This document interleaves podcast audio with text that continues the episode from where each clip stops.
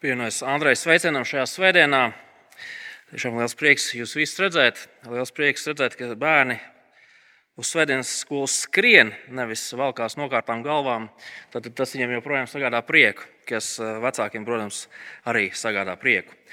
Kā Andrejs pieminējās, tad līdz lieldienām šīs nākamās četras nedēļas mēs pavadīsim psalmu grāmatā, mēs aplūkosim četrus, iespējams, daudziem zināmus psalmus, varbūt kādam jauni psalmi, kuru mērķis īstenībā ir kaut ko atklāt par Dievu, kaut ko par to, kāds Dievs ir kāds viņš ir pēc dabas, kāds viņš ir pēc rakstura, ja tā varētu teikt.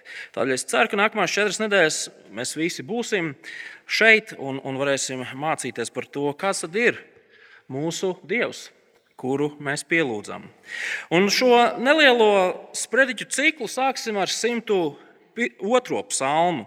Draudzes Bībelēs, ja, ja, ja neesat vēl atraduši, tā ir 622. lapuse, 102. psalms. Izlasīsim šo psalmu, tad es īsumā aizlūkšu, lai mēs to varam saprast un mēģināsim to visu kopīgi arī saprast. 102. psalms. Nabaga lūkšana, ka tas pagurs izlaiž savas žēlabas kunga priekšā. Kungs, uzklausi manu lūgšanu, lai mans sauciens nonāk pie tevis. Neslēp savu vaigu no manis posta dienā Pievērs ausi dienā, kad saucu, steidz atbildēt man. Prom kā dūmi rīt manas dienas, un mani kauli kā krāsnes grūst, kā samīta zāle vīst manas sirds, pat aizmirstu ēst maizi. Tā stenu, kas prūst kauli man miesā. Līdzīgs esmu tūkstneša pūcei un kā apoks starp drupu kaudzēm. Bez miega nīkstu man klājas kā vientuļam putnam uz jumta. Augu dienu mani peļ naidnieki, kam trakums pret mani tie mani lādi. Es pīšļos, kā maizi ēdu, ar asarām savu dzērienu jaucu. Tava piktuma dēļ, tavu dusmu dēļ, jo tu ņēmi un padzini mani. Mūžs man noliec kā ēna, un es kā zāle vīstu. Bet tu, kungs, mūžam valdi, un tevi piemin augu audzēs. Celies un glāb ciānu, Laiks apžēlot to, tas brīdis ir klāt, jo tavi kalpi mīl tās akmeņus, un tās pīšļi viņiem žēl.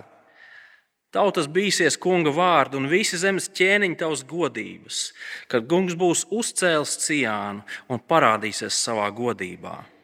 Viņš ir uzklausījis tukšnieku lūgšanu un nav noniecinājis viņu lūgšanos.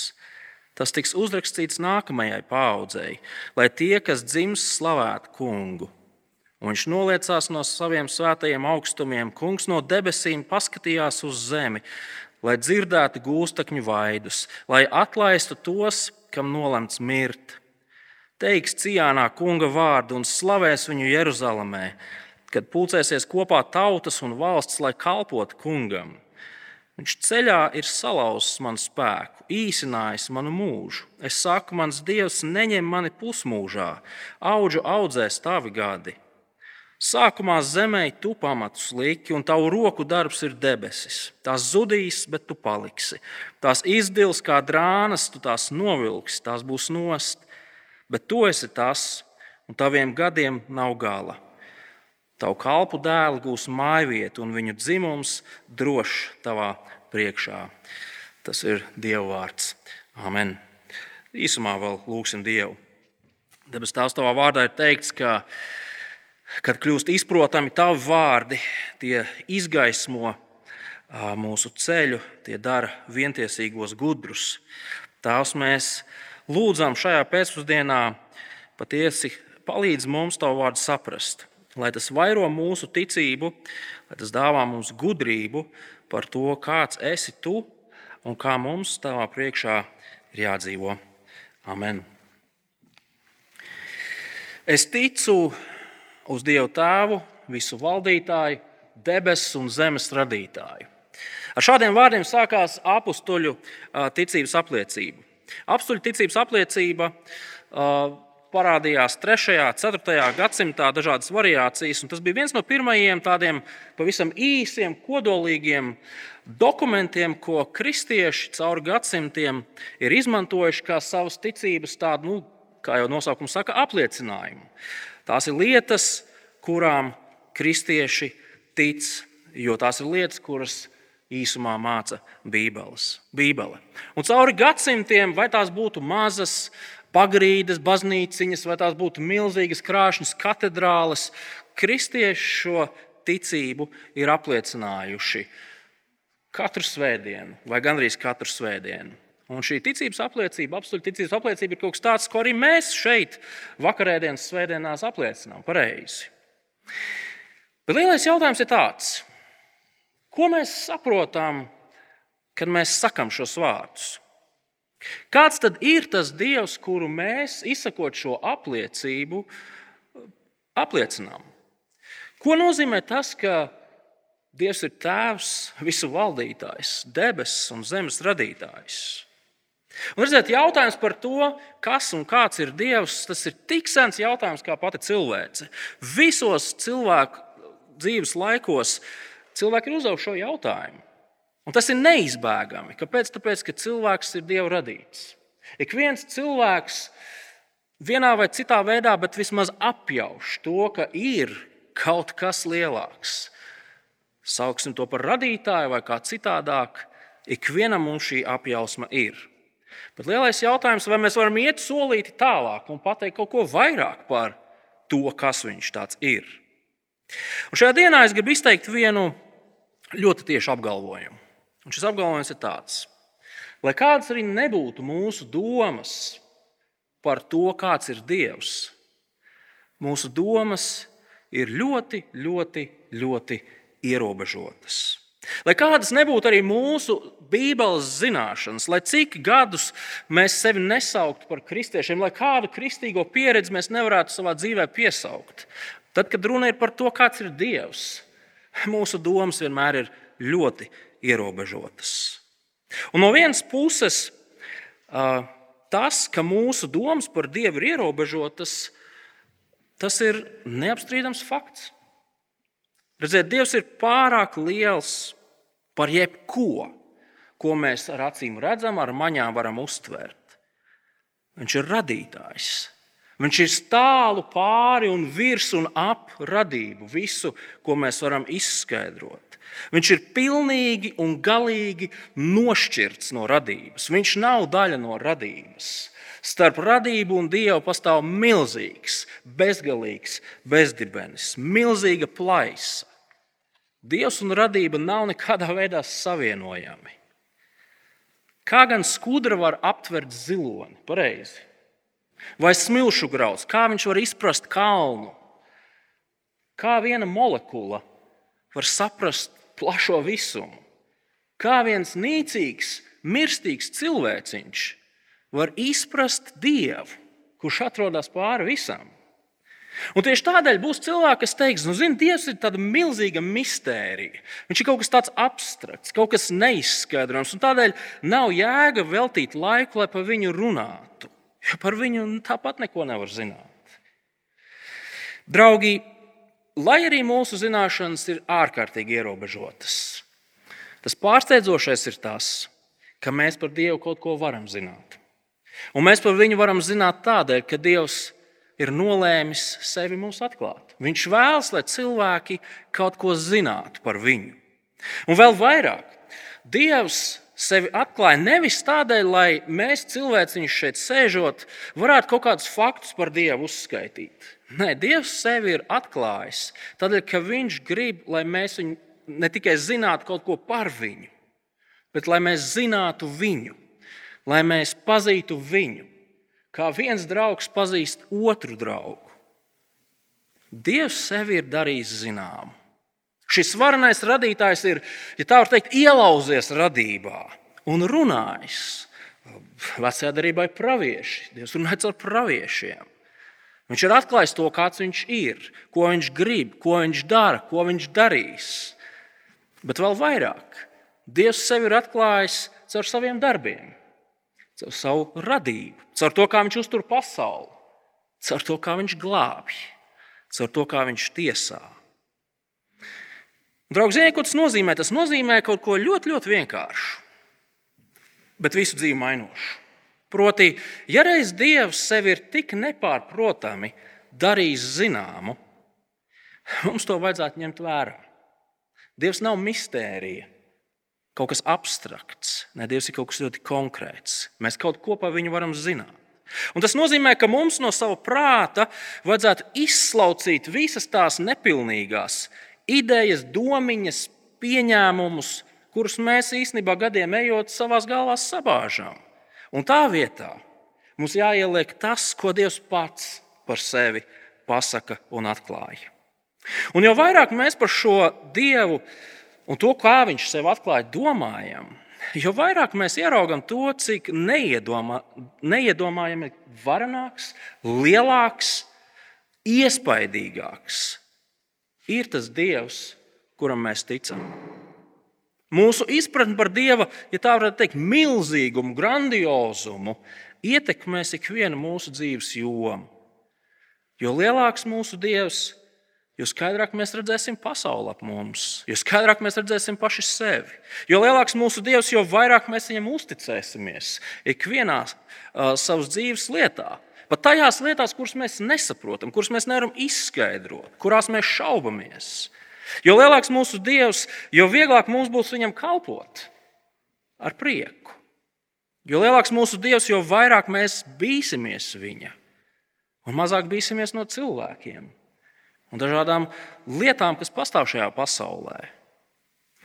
Redziet, visa mūsu kristīgā dzīve, mūsu kristīgā augšana, viņa ir atkarīga no pareizas izpratnes par to, kāds ir Dievs.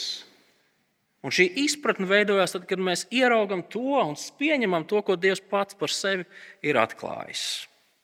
Tāds garš ievads šim sprediķu ciklam, Bet, ja mums vajadzētu piefokusēties, tad šis psalms, 102. psalms, mums atklāja to, ka Dievs ir mūžām nemainīgs. Un šī Dieva mūžīgā nemainība atklājas caur to, kā Viņš mūžam nemainīgi tur savu apsolījumu un glābj cilvēkus. Jūs jau droši vien redzējāt, ka šis psalms ir diezgan drūms pēc savu skanējumu. Un šis psalms īstenībā sākas ar tādu tādu, te ir rakstīts, nabaga cilvēka lūgšanu, bet es varētu teikt, tas ir realists. Cilvēks, kurš saprot realitāti, un tā ir viņa lūgšana. Skatieties vēlreiz, kā sāk šis psalms. Nabaga lūgšana, kad tas paguris izlai savas žēlabas kunga priekšā. Kungs, uzklausi manu lūgšanu, lai mans sauciens nāk pie tevis. Neslēp savu vaigu no manis posta dienā, pievērs ausi dienā, kad saucu, steidz atbildēt man. Ir tāda sajūta, varbūt jums tā neliekas, bet ir tāda sajūta, ka šis vīrs jūtas reāli dieva pamests. Viņam liekas, ka dievs kaut kur ir paslēpies, ka viņš, ka viņš nedzird, ka viņš neredz. Šis cilvēks apzinās savas dzīves nīcīgumu. Viņš saka, ka mana dzīve ir kā dūmi. Vienā brīdī dūmi ir šeit, bet jau nākamajā dūmi ir uh, vēja aizdzīti prom. Viņš jūtas, ka viņa dzīve ir tāda izdegusi krāsnes. Es nezinu, dažiem no jums iespējams ir krāsnes apkūri. Jūs zinat, tur tās oglītes, kas tur gailē. Tāda ir viņa dzīve. Tā ir samīta un kalstoša zāle saulē. Viņa dzīve ir kā tāda vakara ēna, kas uh, naktī atnākot saplūst ar tumsu. Šis psalmists viņš, viņš apzinās, ka viņš ir viens pats. Viņš ir kā tāda tūkstneša pūce. Viņš ir kā tāds apoks, kas sēž sabrukušas mājas uh, drupās. Viņš ir kā vientuļš zvirbulis uz baznīcas torņa. Viņš ir bēda un ciešana sagrauts. Apkārtēji pa viņu smējās. Viņš ir viens un nelaimīgs. Iespējams, mūsdienās ļaudis teikt, nu, 102. psalmā šī autora, autors principā ir ar klīnisko depresiju. Pareizi. Nu, tā mēs teiktu. Taču, ja mēs atmetam visas teorijas un visas diagnozes, sakiet, vai mēs nesaprotam šo vīru, vai mēs reizēm nejūtamies kā šis vīrs? Vai mēs paši savā dzīvē neesam tā jutušies? Vai mums nav bijuši tādi dzīves posmi, kuros mēs sakām, viss, viss, es nezinu, kā iet uz priekšu, es nezinu, ko darīt. Turklāt liekas, ka Dievs arī ir kaut kur tālu prom. Nezinu, vai viņu vispār interesē tas, kas ar mani šeit, mazo cilvēciņu, notiek šajā plašajā pasaulē. Varbūt kāds tā jūtas šodien. Taču šis vīrs, ja mēs ieskatāmies tuvāk, viņš lieliski saprot, kāpēc viņš piedzīvo to, ko viņš piedzīvo. Nedaudz tālāk psalms atklāja to, kāds tad ir viņa šī, šī, šī, šo bēdu un drūmumu iemesls. Skatieties, 10. un 11. pantā. Es pīšļus kā maizēdu, ar asarām savu dzērienu jaucu tava piktuma dēļ, tavu dusmu dēļ, jo tu ņēmi un padzini mani. Šis cilvēks jūtas tā, kā viņš jūtas, jo viņš ir piedzīvojis dieva dusmas. Un nedaudz tālāk, caur rindiņām, mēs redzam, to bēdu patieso iemeslu. Proti, Ciāna, Dieva pilsēta, šī Jeruzaleme, viņa ir nopostīta. Skaties, 14. pantā. Celies un glāb Ciānu. Laiks apžēlot to, tas brīdis ir klāt, jo tavi kalpi mīl tās akmeņus, un tās pīšļu viņiem žēl. Ciāna ir nopostīta, un šis psalmists viņš jūtas tā, kā viņš jūtas. Un šie, šie vārdi mums patiesībā palīdz saprast šī psalma to sākotnējo kontekstu. Redziet, šis psalms, ja mēs par viņu padomājam, viņš mūs atgriež senā pagātnē. Viņš mūs atgriež senā vēsturē, daudzus gadsimtus pirms Kristus. Tas ir laiks, kad Izraēla valsts ir sabrukusi. Cilvēki ir aizvesti trimdā, Jeruzaleme ir ieņemta, tā ir nopostīta. Un no vecās derības mēs ļoti skaidri zinām, ka tas viss ir noticis tādēļ, ka cilvēki izdarīja, ko viņi aizmirst par Dievu. Dievs viņus bija izglābis no Eģiptes verdzības, ievedis apsolītais zemē, dāvājis viņiem ķēniņu, izveidojis karaļvalsti, un viņi kļuva pasaulīgi. Viņi teica, paldies, Dievs, bet tālāk mēs paši kaut kā airēsim. Kur viņi aizairēja? Viņi aizairēja uz Bābeles gūstu. Viņu sirds ilgojās nevis pēc dieva, bet pēc naudas, pēc baudas, pēc varas un pēc visa pārējā, ko mēs šajā pasaulē varam iegūt. Un tas īstenībā atbalsto to, ko mēs redzam no pašām pirmajām Bībeles lapusēm.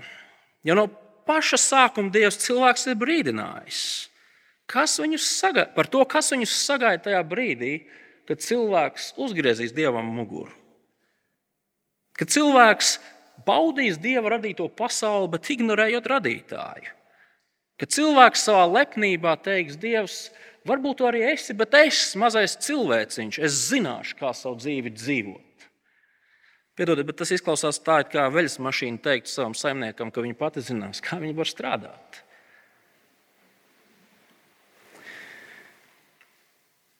Un tā patiesība ir tāda, ka tas, kas ir aprakstīts ar šo vienu tautu, Izraēlu tautu, kur saņēma sodu par to, ka viņi ir novērsušies no dieva, tas patiesībā raksturo visu pasauli. Tas raksturo visas pasaules tautas.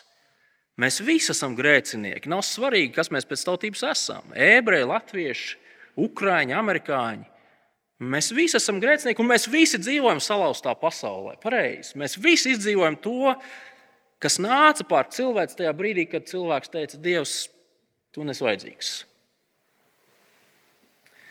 Un tagad šis psalmists, vientuļš, apspiesti, izkāmējis, knapi, knapi dzīves, viņš vēršas pie Dieva un saka, celies un glāb ciānu. Atjauno savu pilsētu, atjauno savu valsti, atjauno savu tautu. Redziet, šis psalmists, lai kā viņš arī šajā brīdī nejustos, viņš šo to zina arī par Dievu, pie kura viņš vēršas savā lūkšanā. Viņa Dievs ir vairāk nekā spējīgs atbildēt uz šo lūgšanu. Apraudādams savu stāvokli, psalmists 12. pantā saka, bet tu, kungs, tu, kungs, mūžam valdi, un tevi piemin augu audzējs. Dievs ir pilnīgs pretstats cilvēkam. Cilvēka dzīve ir kā zāle, kā dūmi, kā tāda maza, maza oglīte, kā vakara ēna. Dievs ir mūžīgs. Viņš vienmēr ir bijis, viņš vienmēr ir un viņš vienmēr būs. Ieskatieties, kā nobeidz šis psalms, 26. līdz 28. pants. Sākumā zemē pamatus tu liki, un tavu roku darbs ir debesis. Tās zudīs, bet tu paliksi. Tās izdils kā drānas, tu tās novilksi. Tās būs nost, bet tu esi tas, un taviem gadiem nav gala. Dievs ir radījis debesis un zemi. Viņš ir radījis visumu. Bet šķietam šis bezgalīgais visums, prātam neaptveramais kosmos, Dievam viņš ir tā tāda žaketīte, ko viņš pēc darba dienas var novilkt nost, kā tāds krekls, ko viņš dienas beigās novelk. Nesen lasīju, kā, kā astronomi ar, es aizmirsu šī teleskopa nosaukumu, ar tādu superteleskopu, viņi um, atklāja galaktiku, kas atrodas 13,5 miljardus gaismas gadu attālumā no Zemes. Tas it kā esot tālākais punkts, ko cilvēks ar superaparātiem spēj saskatīt. Viens gaismas gads ir 9,5 triljonu kilometru garš. Cik kilometri ir 13,5 gais, miljardu gaismas gadu? Matemātika kalkulators nevar tādas skaļas aprēķināt. Un šis neiedomājami lielais, plašais visums ir kā tāds krekliņš salīdzinājumā ar to, kāds ir Dievs. Dievs ir mūžīgs. Viņš vienmēr ir. Viņš vienmēr ir nemainīgi tas, kas viņš ir. Draugi, ja tā par to padomā, tas tā tēlēni izsakoties, izšauj visus korķus galvā. Mēs nespējam saprast, kā tas ir, ka kaut kas var būt mūžīgi nemainīgs. Ik viena sekunde nozīmē pārmaiņas. Ik viena molekula, kas šajā visumā kustās, nozīmē izmaiņas. Bet Dievs ir tāds pats nemainīgs visu laiku. Visu laiku viens un tas pats, mūžīgi tas pats, nemainīgi tas pats. Un tas savukārt, draugi, nozīmē to, ka Dievu nekas nevar ietekmēt. Pat ne par milimetru. Tas nozīmē, ka visas Dieva īpašības, visi viņa lēmumi, visi viņa plāni, tas viss ir nemainīgs.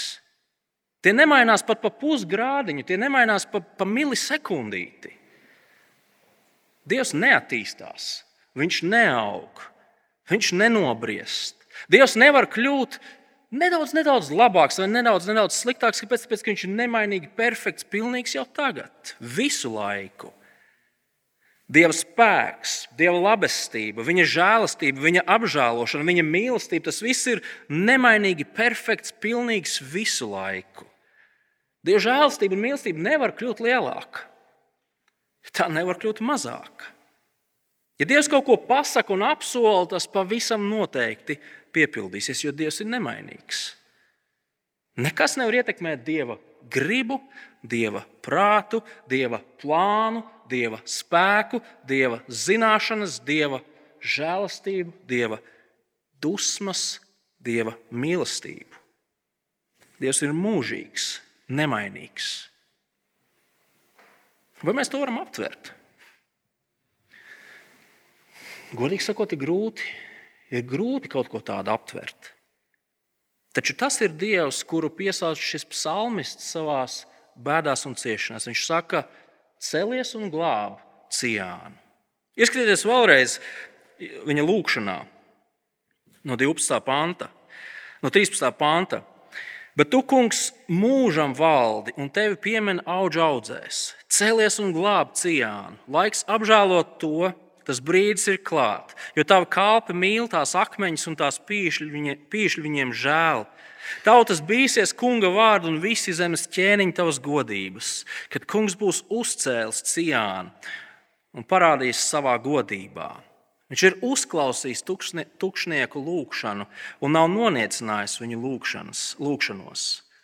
Tas tiks uzrakstīts nākamajai paudzei, lai tie, kas dzims, slavētu kungu, ka viņš noliecās no svētajiem augstumiem. Kungs no debesīm paskatījās uz zemi, lai dzirdētu gūstekņu vaidus, lai atlaistu tos, kam nolemts mirt teiks cienā kunga vārdu un slavēs viņu Jeruzalemē, kad pulcēsies kopā tautas un valstis, lai kalpotu kungam. Psalmists patiesībā šajos pantos uh, atsaucās uz glābšanu, kuru Dievs jau pagātnē ir īstenojis. Un, protams, runa ir par vislielāko glābšanas operāciju vecajā derībā. ebreju izglābšanu no Eģiptes verdzības. Ja mēs lasītu otro mūža grāmatu, mēs redzētu, ka arī tad kungs noliecās no svētajiem augstumiem. Kungs no debesīm paskatījās uz zemi, lai dzirdētu gūstekņu vaidus, lai atlaistu tos.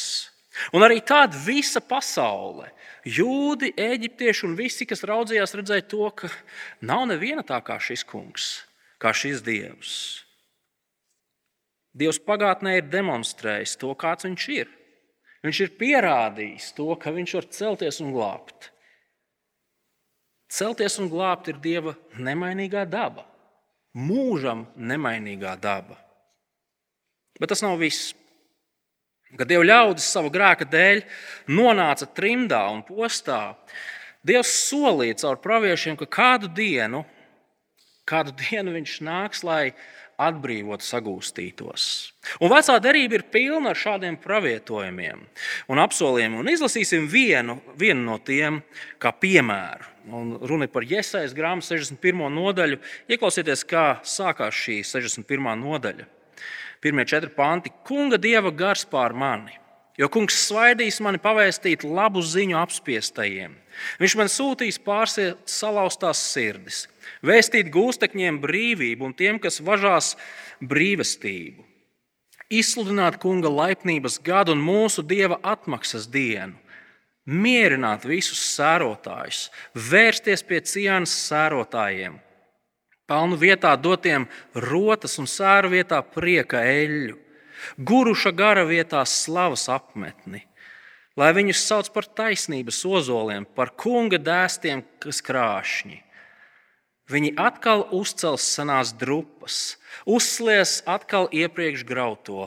Viņi atjaunos izdeldētās pilsētas drupas, kas bijušas augu audzējas. Dievs ir demonstrējis glābšanu pagātnē. Viņš ir apsolījis glābšanu un atjaunošanu nākotnē. Un šis Dievs, kurš aiz tā visa stāv, ir mūžīgais, nemainīgais, neietekmējamais dievs, kuram visuma izplatījums ir kā tāda žakete. Šis dievs ir par visu pārākais un pilnīgais radītājs.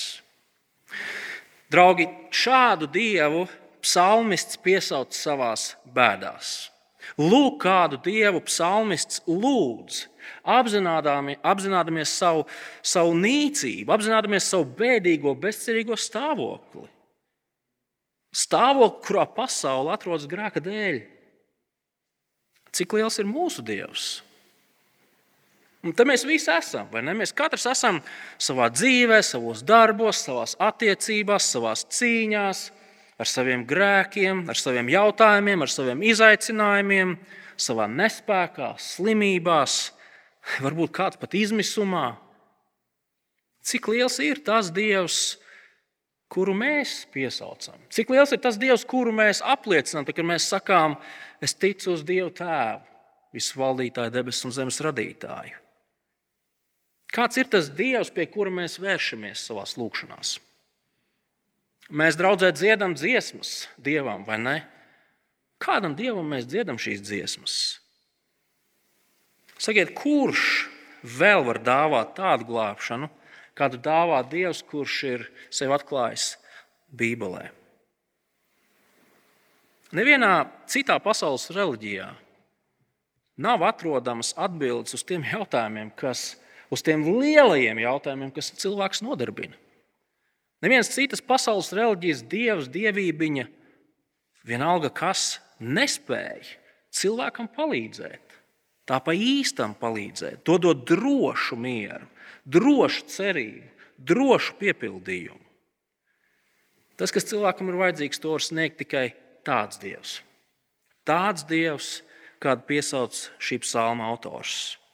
Dievs, kurš ir mūžam nemainīgs, kuram ir nemainīgs un mūžīgs plāns un nodoms, kurš vienmēr nemainīgi īsteno to, ko viņš bija nolēmis pirms viņš pasauli radīja. Šī psalma noslēgums slēp kādu milzīgu pārsteigumu. Tas ir tik milzīgs pārsteigums, ka mēs neviens viņu tur nevaram redzēt. Un mēs viņu nevaram redzēt tikai tādēļ, vien, ka šī um, tulkojuma radītāji aizmirsa, jeb izlaida vienu svarīgu pieturzīmi. Proti, izteicis savu, savu pārliecības pilno lūgšanu, ieskatieties 24. un 25. pantā. Psalmis saka, Viņš ceļā salauzis manu spēku, īsinājis manu mūžu. Es saku, mans Dievs, neņem mani pusmūžā. Šeit vajadzētu būt punktam un tiešās runas beigām. Jo ar 26. pantu kāds cits saka kaut ko. Un šis kāds cits no 26. panta ir pats Dievs, kurš uzrunā psalmistu. Draugi, ja jūs šajā brīdī teiksiet, Mārtiņ, es nezinu, ko tas brīvdienās darīs, bet no kurienes tu to visu rauj? Kāds punkts, kādas pieturzīmes, es neko šeit neredzu. Tas viss mums liekas pēc vienas garas lūkšanas, ko izmisis cilvēks saka Dievam, slavādams Dievu. Un no vienas puses mēs uz šo psalmu tā arī varam raudzīties. Mēs nezaudējam šī psalma burvību un patiesīgumu, ja mēs neredzam to punktu un, un, un, un tiešās runas beigas un jaunas tiešās runas sākumu. Taču interesanti, ka Bībele mums reizēm nāk tālāk. Pati Bībele mums palīdz ieraudzīt kaut ko vairāk un kaut ko dziļāk, kas Bībelē ir atklāts. Jūs ieskatieties, redz, kur Bībelē ir zemesvītras piezīme. Un mēs redzam, ka mēs tiekam aicināti palūkoties vienā jaunās darbības raksturvietā. Un runa ir par, par vēstuli ebrejiem. Es aicinu, ka mēs varētu uz brīdi atvērt šo vēstuli. Draudzes Bībelē tā ir 1219. lapuse. 1219. lapuse. Šī ir, ja tā varētu teikt, viena no jaunās darbības smagsvaru vēstulēm. Bet šī vēstule sākas ar, ar, ar, ar to, ka autors pirmajos pantos runā par Kristu, par Dieva dēlu. Un pirmajos pantos viņš viņu nosauc par pašu Dievu. Caur viņu viss ir radīts. Bet tad dažus pantus vēlāk, pirmajā nodaļā, ieskatieties, kas ir teikts par Kristu, par Dieva dēlu, sākot ar desmito pantu. Un vēl, tu, kungs, jau iesākumā zemē esi licis pamatu, un debesis ir tavu roku darbs. Tās zudīs, bet tu paliec vienmēr. Tās visas sadils no vecuma kā drēbes, tu tās satīsi kā apmetni, kā drēbes tās būs pārmainījušās, bet tu būsi tas pats. Tavi gadi nebeigsies.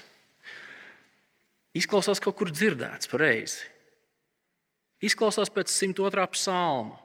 Izklausās pēc tā, ko psalmists teica dievam. Varbūt dievs teica kādam citam. Redziet, Jēzus Kristus, Dieva dēls, saskaņā ar rakstiem un arī ar šo rakstu vietu, runā par to, ka viņš ir pasaules radītājs. Viņš ir mūžīgs. Viņš vienmēr ir bijis, viņš vienmēr ir, viņš vienmēr būs. Viņš ir nemainīgais Dievs. Un tā, lai arī šīs dienas psalmu mēs varam uzlūkot kā šī nabaga cilvēka lūgšanu pēc glābšanas, kur var īstenot šis mūžīgais, nemainīgais Dievs, mēs pēkšņi ieraugām, ka šis psalms patiesībā sevī slēpj kaut ko, nu, tas nav gluži apslēpts, tā nav kaut kāda ezotērika, bet slēpj šo papildus līmeni. Tas ir kā tāds pravietojums, jeb, jeb norāde uz kungu, kurš nāks. Un patiesībā tam nevajadzētu mūs pārsteigt, tādēļ, ka bieži vien psalmos, ir īpaši tajos psalmos, kurus ir sarakstījis Dāvids, ķēniņš Dāvids, viņš apdzied savu pieredzi, bet vienlaikus šī, šī viņa pieredzes atklāsme patiesībā atklāja kaut ko par to, kas vēl notiks, par kādu citu ķēniņu, par kādu citu valdnieku, par Kristu. Un, draugi, tas šo psalmu, 102. psalmu, padara vēl skaistāku. Tas mūžīgais glābējs, kurš, kurš celsies un glābs dievu ļaudis, ir pats Jēzus. Un, un viņš ir cēlies, viņš ir glābis, pareizi. Viņš cēlās no savām svētajām debesīm, viņš nāca šajā pasaulē kā parasts cilvēks, izauga, um, piedzīvoja cilvēku nievas, jutās viens un visu pamests. Viņa dzīvība aprāvās pusmūžā, mirstot pie krusta, lai ar savu miesu un asinīm samaksāt par cilvēku grēkiem, tādēļ sarūpējot atdošanu un mieru izlīgumu starp cilvēku un dievu. Kristus ir nemainīgais, mūžīgais dievs. Un tas nozīmē, ka viņa veikums ir pilnīgs un nemainīgi pilnīgs. Tam neko nevar pielikt, no tā neko nevar atņemt, to nevar pazaudēt, to nevar mazināt. Kristus krusta veikums ir Dieva atbilde uz šī psalma lūgšanu. Mūsu attiecības ar Dievu ir atjaunotas. Un, un tas viss, kas mūs šķīra no Dieva, tas ir novākts nost. Dieva dusmas ir taisnīgi apmierināts. Kāds par to samaksāja? Un kādu dienu mēs pilnā mērā piedzīvosim reālu atjaunošanu. Reālu atjaunošanu, ko Dievs īstenos savā dabas valstībā. Un tad mēs piedzīvosim to, kā beidzas šis psalms. Skatieties, 29. pantā. Tavu kalpu dēli gūs māju vietu, un viņu dzimums droši tavā priekšā. Šīs dienas psalms mums māca to, ka Dievs ir mūžam nemainīgs. Viņš ir varants, viņš ir neapturams, viņš ir pateica un izdarīja radītājs Dievs. Mūsu Dievs ir neapturami mūžīgs. Viņš ir neaptverami milzīgs. Un tā, noslēdzot šo sprediķi, ko mums atliek darīt? Kad mēs domājam un sākam ieraudzīt to, cik milzīgs ir šis Dievs, ka Viņš ir nemainīgs savā būtībā. Manuprāt, šī psalma 22. un 23. pāns ir labs kopsavilkums tam, kā mums vajadzētu rēģēt. Skatieties, teiks Cijānā kunga vārdu un slavēs viņu Jeruzalemē, kad pulcēsies kopā tautas un valstis, lai kalpotu kungam. Psalmis saka, tad, kad mēs saprotam to, kāds ir Dievs, vai sākam nojaust to, kāds Viņš ir, mēs esam aicināti viņu slavēt. Un šis vārds slavēt, tas ir kaut kas vairāk nekā dziedāt skaistas baznīcas dziesmas un himnas. Šis vārds nozīmē to, ka mēs dižojamies ar Dievu, ka mēs cildinām viņu. Šis vārds saistīts ar publisku goda apliecināšanu. Tas saistās ar pateicību. Citiem vārdiem sakot, mēs sev un cits citām paužam to, kāds patiesībā ir Dievs. Dievs, kuram mēs ticam. Mēs dienu no dienas cenšamies to atgādināt sev un darīt zināmu citiem.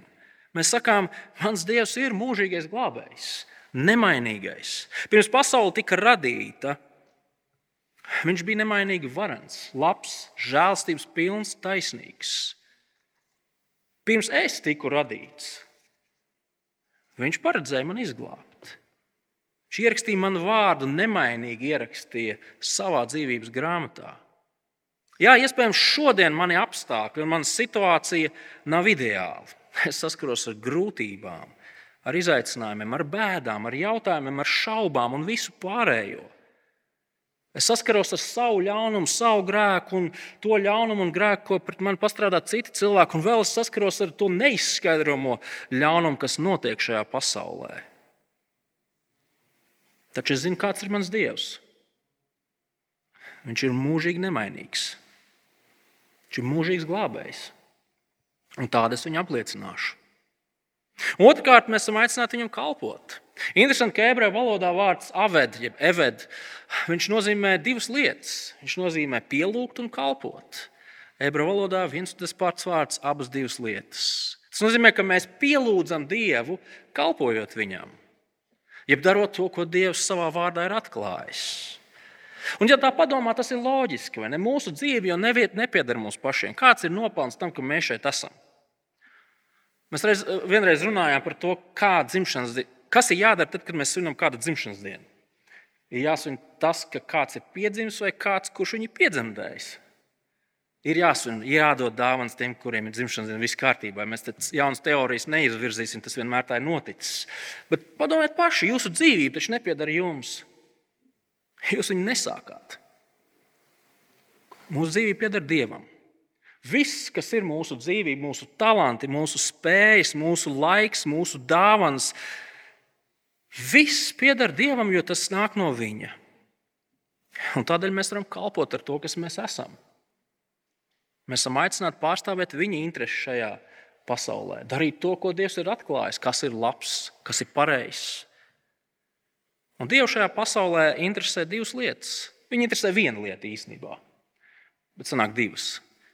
Viņu visvairāk šajā pasaulē interesē tas, ka viņa vārds tiek godāts. Un viņa vārds tiek godāts, kad cilvēki, tādi kā mēs ar jums, piedzīvojuši dievu glābšanu, saka, skaties, kāds ir mans dievs. Skaties, kāds ir mans dievs. Un tā, kāds ir tas dievs, kura, kuram mēs sakām savus slavenos ticības apliecības vārdus? Ļausim, lai paša dieva atklāsme un darbi palīdz mums ikdienas ieraudzīt viņa diženumu, viņa varenību. Mūsu dievs ir daudz lielāks nekā varam iedomāties. Un tas ir ļoti, ļoti labi. Tādēļ, ka vienīgi šāds dievs spēj mūs glābt. Un vienīgi šādam dievam ir vērts kalpot ar visu, kas mēs esam. Amen.